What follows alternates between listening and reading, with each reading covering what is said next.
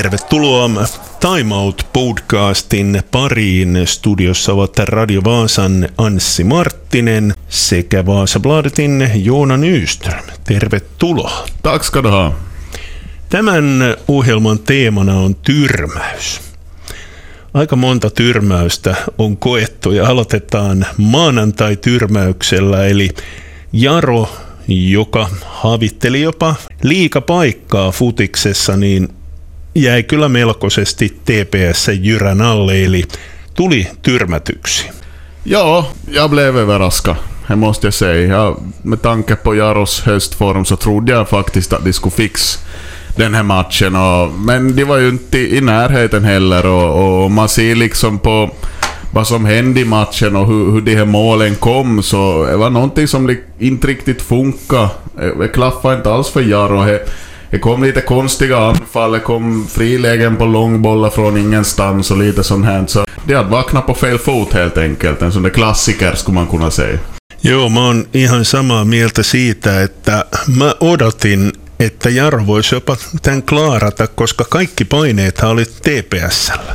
Ja, och därmed bra gjort av TPS som just har bytt tränare dessutom. En väldigt, väldigt hungrig, tagga insats på hemmaplan. De var väldigt bra på gång direkt från början, så mycket hann jag se höjdpunkter och så vidare av matchen. Så ja, det blir jätteintressant nu. Nu var ju FC Lahti vann väl 6-1 mot HIFK här i söndags i sista matchen i nedre serien och, och verkar vara lite på gång igen där också. Så det blir nog, det blir väldigt ovisst det här kvalet men jag med tanke på att FC Lahti ändå hade så det bra gnisto i sista matchen och, och så tror jag tror jag de kanske kommer till klara den här serieplatsen. Om deras kvalitetsspelare levererar ordentligt så, så är Tepsi inte lika bra spelare för spelare helt enkelt. Och så är det ju förstås då i ligan mot ettan.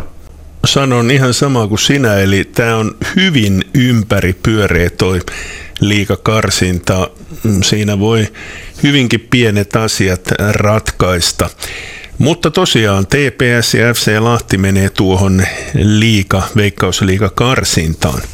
Sitten seuraava tyrmäys.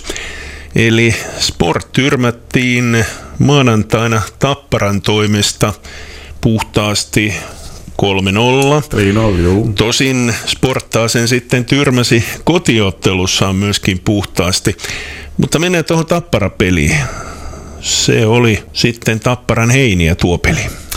Ja, föll nog mycket på att, att Sport hade svårigheter i, i anfallsspelet och där märktes det ju klart och tydligt att Simon Hjalmarsson som har varit given i första kedjan av någon orsak saknades. Lite antydan fick man av tränaren Risto Duva efter matchen att det skulle handla om någon sorts skador där och jag tycker spelmässigt, åtminstone andra perioden, så var Sport bra. Där var de till och med bättre än Tappara.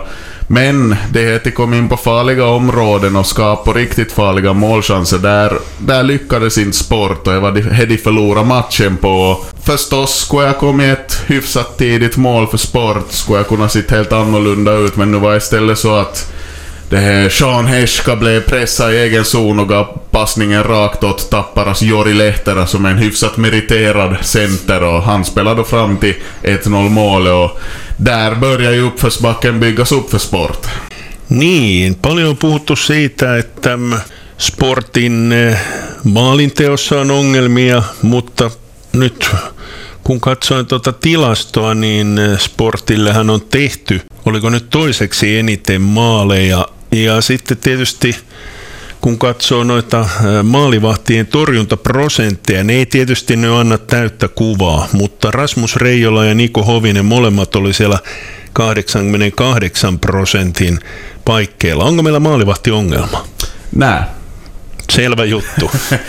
Mutta 88 prosentin torjuntaprosentti, se ei kyllä niinku ole hyvä. Nej, vet inte det är ju som om man bara stirrar rakt på siffror, men om man nu tar det här måndagskvällens match som exempel så Tapparas målvakt, andra målvakt, Vilho Heikkinen, deras första målvakt Christian Heljanko fanns inte med, så han höll nollan för första gången i, i ligakarriären, men han hade också inte riktigt många som det riktigt ordentliga räddningar, att det var nog mest ganska lätta koppin som han tog där.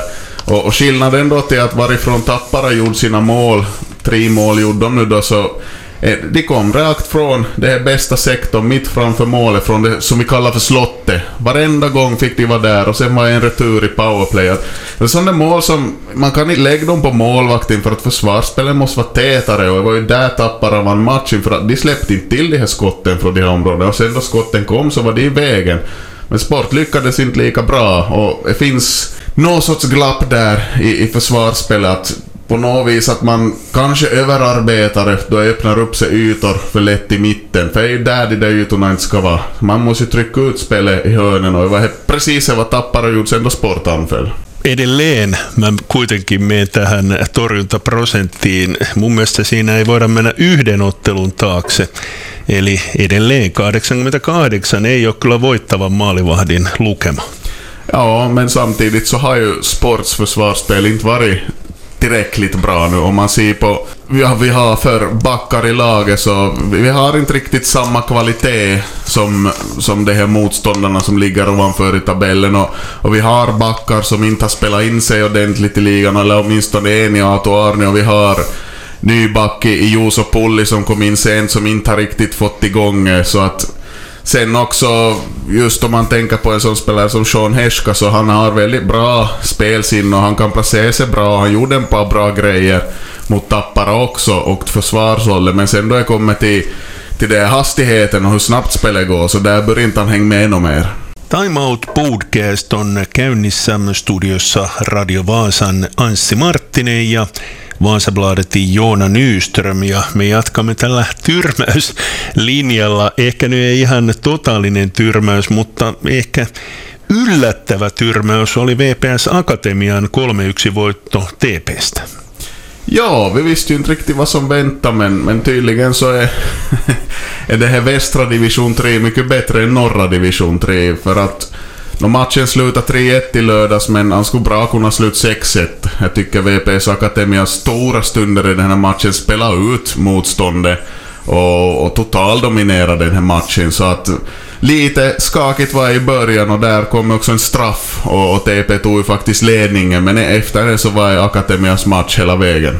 Toinen ottelu nyt sitten Torniossa. Onko tämä jo klappat och klart, niin kuin sanotaan på svenska?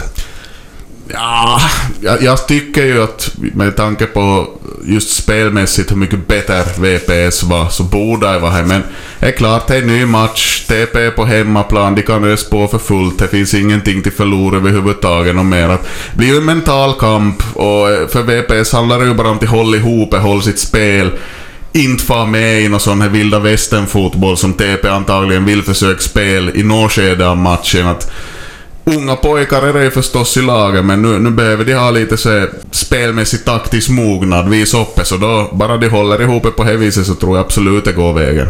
Sitten seuraava tyrmäys, no se nyt ei ollut ehkä niin totaalinen tyrmäys, mutta varmasti IFK Maariahamnin pelaajilta se tuntui tyrmäykseltä, kun VPS tuli loppuhetkillä tasoihin ja otti tuon eurokarsinta paikan. Joo.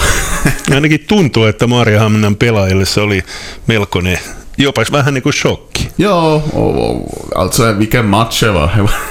helt, helt sinnessjuk match. VPS kom ju inte upp till sin nivå i den här matchen. Jag vet inte om det var nerver då, eller vad det var, men, men man tog ju ändå ledningen i första halvlek och sen som Jesper Engström också sa efter matchen att i, i andra halvlek så var VPS inte alls med från början och då kommer två mål. Timi Lahti, gamla VPS mittbacken, nickar snyggt in och så ännu 2-1 på mm. Joo, ja Timi Lahdesta täytyy sanoa, että Timi Lahti kun pukkasi ton maalin, ensin alkoi tuulettaa, mutta sitten muisti, että hei, vanha joukkue vastassa. ja, Huomasitko? Ja, det kan vara svårt säkert också då, då adrenalinet pumpar för fullt där till Håksborg. Men, men nu vet vi allihop, Timmy var här så pass länge att han är, han är nog en, han är en hygglig karl. In, inte någon som denna som skulle börja gå och lägga några extra nagel i ögat på, på gamla lag. Men oavsett så, ja, IFK tog ju sen ledningen då väldigt starkt hade grepp om matchen och, och sen får VPS lite av ett turmål. Tyler Reed träffar väl någon motståndare och så studsar bollen i mål där. Så man sist och slutligen på repriserna. Jättestökigt där. Det blev ju två röda kort och IFK hade en boll i stolpan och allt möjligt. Och Och det kändes som att VPS kom nog undan. Det, de, de fick väldigt bra utdelning på ganska dåligt spel, men nu, nu blir det åtminstone en match till. Joo, mietitään noita Vepsun maaleja, niin esimerkiksi tuo eka maali, niin aivan uskomattoman upea maali. Ensinnäkin Joonas Vahteran hieno, hieno äh, liukkari, jolla sai pallon itselleen. Siinä oli Maria Hamina jo lähdös hyökkäämään ja yhtäkkiä ollaankin toisessa tilanteessa. Ja sitten Tete Jengi, niin kuin ollaan puhuttu nyt tässä viimeisissä lähetyksissä siitä, niin hänestä on tullut nyt syöttäjä. Kuuntelin sitä tosiaan lähetystä ja selostajaksi siinä kertoi, että joo, että Tete Jengin alkukausi oli hyvä ja oli tehoja, mutta nyt se on kadonnut. Mutta hän ei muistanut ollenkaan sitä, että tehot on siirtynyt tonne syöttöpuolelle. Ja mikä Multasen upea päätös siihen ekaan maaliin. Var, det var roligt. Det där i pausen också så Jonas Vahtera så, ja, han använde lite kraftuttryck där för att beskriva sin ena, egna insats i första halvlek och man märkte att han var frustrerad. Han stod där och ropade åt sig själv så det var väl därifrån det kom att han mitt i allt drog en 120% rush och tacklar rossande bollen, men väldigt bra. Och just med Tete Gängi, där märker man liksom att han, vilken nivå han håller för att situationen uppstår jättesnabbt. Bollen studsar rakt mot honom, men istället för att liksom börja fippla på någonting så lägger han direkt över honom, för han ser direkt att nej men Multanen har mycket bättre läge, han är rättvänd. Och sen bollen rakt upp i krysset, mål nummer 14 av, av den här Kalle Multanen som inte skulle klara sig alls i ligan påstod se. Mm. Niin, Kalle Multasesta täytyy sanoa se, että eihän nyt ihan kliininen maalintekijä ole. Hänellähän tulee loistavasti paikkoja. Siinähän on aivan loistava. Hän on aina siellä, missä pitää olla. Mutta esimerkiksi niin kuin siinä tilanteessa, jossa Vepsun olisi pitänyt siirtyä 2-0 johtoon, niin tuli nopeasti pallo jalkoihin. Todella vaikea tilanne ja siitä tolppaa. Ja, det var väl just det. Det var väl på en hörna det att ett gäng nickade ner bollen och studsade på någon motståndare och kanske så och visserligen han väldigt mycket öppet mål, han stod kanske en meter från målet, Kalle Multanen men, men det gick väl för snabbt helt enkelt, så han hann just och just få foten på bollen. Så det såg ganska lustigt ut, men, men, men kanske man nu kan förlåta. Joo, voidaan antaa anteeksi, mutta ekalla puolella oli myöskin hyvin vapaa tilanne Multasella, josta hän ei tehnyt maalia. Mutta niin kuin sanottu, Kalle Multanen on aina siellä, missä pitää tuolla boksin sisällä. Så är det, så är det. Och, visst, vi är nog kanske från början, men det här, vi som bor här på västkusten så vet ju ingenting om fotboll före säsongen. Joo, kyllä mä täytyy ihan rehellisesti sanoa, että kyllä mulla oli Innin kauden alkua niin vähän epäilyksiä siihen, että miten Kalle Multanen tulee liikassa menestyy ja on menestynyt erinomaisesti. Hei, keskiviikkona odotettiin, että päästäisiin pelaamaan paikallispeli, mutta ei käynytkään niin, vaan SJK meni häviämään Interille ja nyt Vepsu pelaa Interia vastaan. Ja, jag frågade ju Jussi Nuorela där på söndagen sen efter matchen, för då var ännu inte klart vem som skulle komma som motståndare, att vem skulle han föredra, så han skrattade lite där och så sa han han håller det för sig själv att jag vet inte sen om, om kanske det här föll precis som Nuorela vill ha, att han hellre skulle, han tar Inter Eh, delvis på grund av att VPS alltid har så svårt mot SJK och haft det den här säsongen och delvis kanske på grund av att, att Inter är en bekant, bekant klubb för Nuorela. VPS har spelat bra mot dem den här säsongen så nu bär det till Åbo då onsdag kväll och blir väldigt intressant. Det här Inter, de lagar ju av med Benjamin Kjellman, anfallaren här under säsongen, så de har inte kvar han. Och de tog till och med två röda i sin match i söndag, så de har två avstängningar, två mittfältare, Noah Nurmi och David Akkam, så att Stort avbräck för VPS förstås att vara utan Tete Gängi, men inte sitter lite i samma sits. Lähdetään pohtimaan sitä, että jos VPS voittaa tuon ottelun, niin sitten pelataan joko SJK tai Oulua vastaan, koska se peli sitten olisi. Det blir på lördag i så fall. Okei, eli se on sama aikaan kuin sitten tämä TP-peli. Joo, sama avsparkstid till och med 15.00. Så mm. Mm, jos käy niin, että VPS häviäisi Interille, niin uskotko, että edustuksesta olisi Torniossa enemmänkin kuin Roni Hood? Ja, svårt att säga. Jag vet inte riktigt hur det går det och Ronny Hood dubblar ju fint han. på något vis så hann han ju till Mariehamn också. Han blev ju inbytt i, i andra halvlek fast han spelade hela matchen då på lördagen. Så där finns ju energi så det räcker och blir över. Och, och samtidigt om man ser på den insatsen de hade nu i lördags. Så jag tycker inte det finns så stor orsak till att börja ändra på det laget. De klarar sig hur bra som helst med det de hade, så kanske bara rör till det mer om du ska börja fippel med laguppställningen i det här skedet. Mennään siihen varsinaiseen tyrmäykseen. Meillä on ollut teemana tyrmäys. Robert Helenius, tyrmättiinkö hänet nyrkkeilymaailmasta ulos viikonloppuna? Kanske. Nu var han väl och uttalade sig var igår först någonting, men det var, det var väl ganska luddigt vad, vad han sa om det här hela och... Ja, alltså det är ju, det är ju med boxning, de bygger upp och bygger upp och bygger upp för de här matcherna. Det är flera månader då är som pratas så det ska hållas på. Och sen just då det går så här då att det kommer ganska hastigt en sån där klar och tydlig knock då. Så att det är ett sånt enormt antiklimax, inte bara för, för publiken men speciellt då för idrottaren själv, för, för Robert Helenius själv. Och jag kan tänka mig just att du har haft den där anspänningen i många månader och sen allting bara rätt till skogs. Att hur långt ner, djupt ner i, i ravinen du är efter den här matchen och hur svårt det kan vara till liksom alls tänka något framåt, att vad ska hända till nästa. Och- Men samtidigt också realistiskt att om man tänker att de har jobbat med, med det här målsättningen att de ska få till en titelmatch någon gång, så det här var ju nog ett stort slag. Ja, en knock, ett stort slag, haha.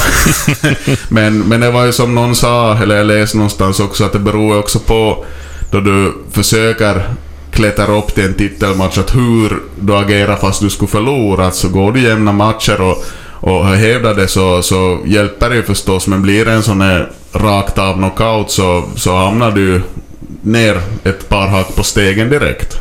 Eiköhän tässä ollut tämänkertainen Time Out Podcast. Joona Nyström ja Anssi Marttinen ovat olleet studiossa. Joona, kiitoksia. Tack, tack.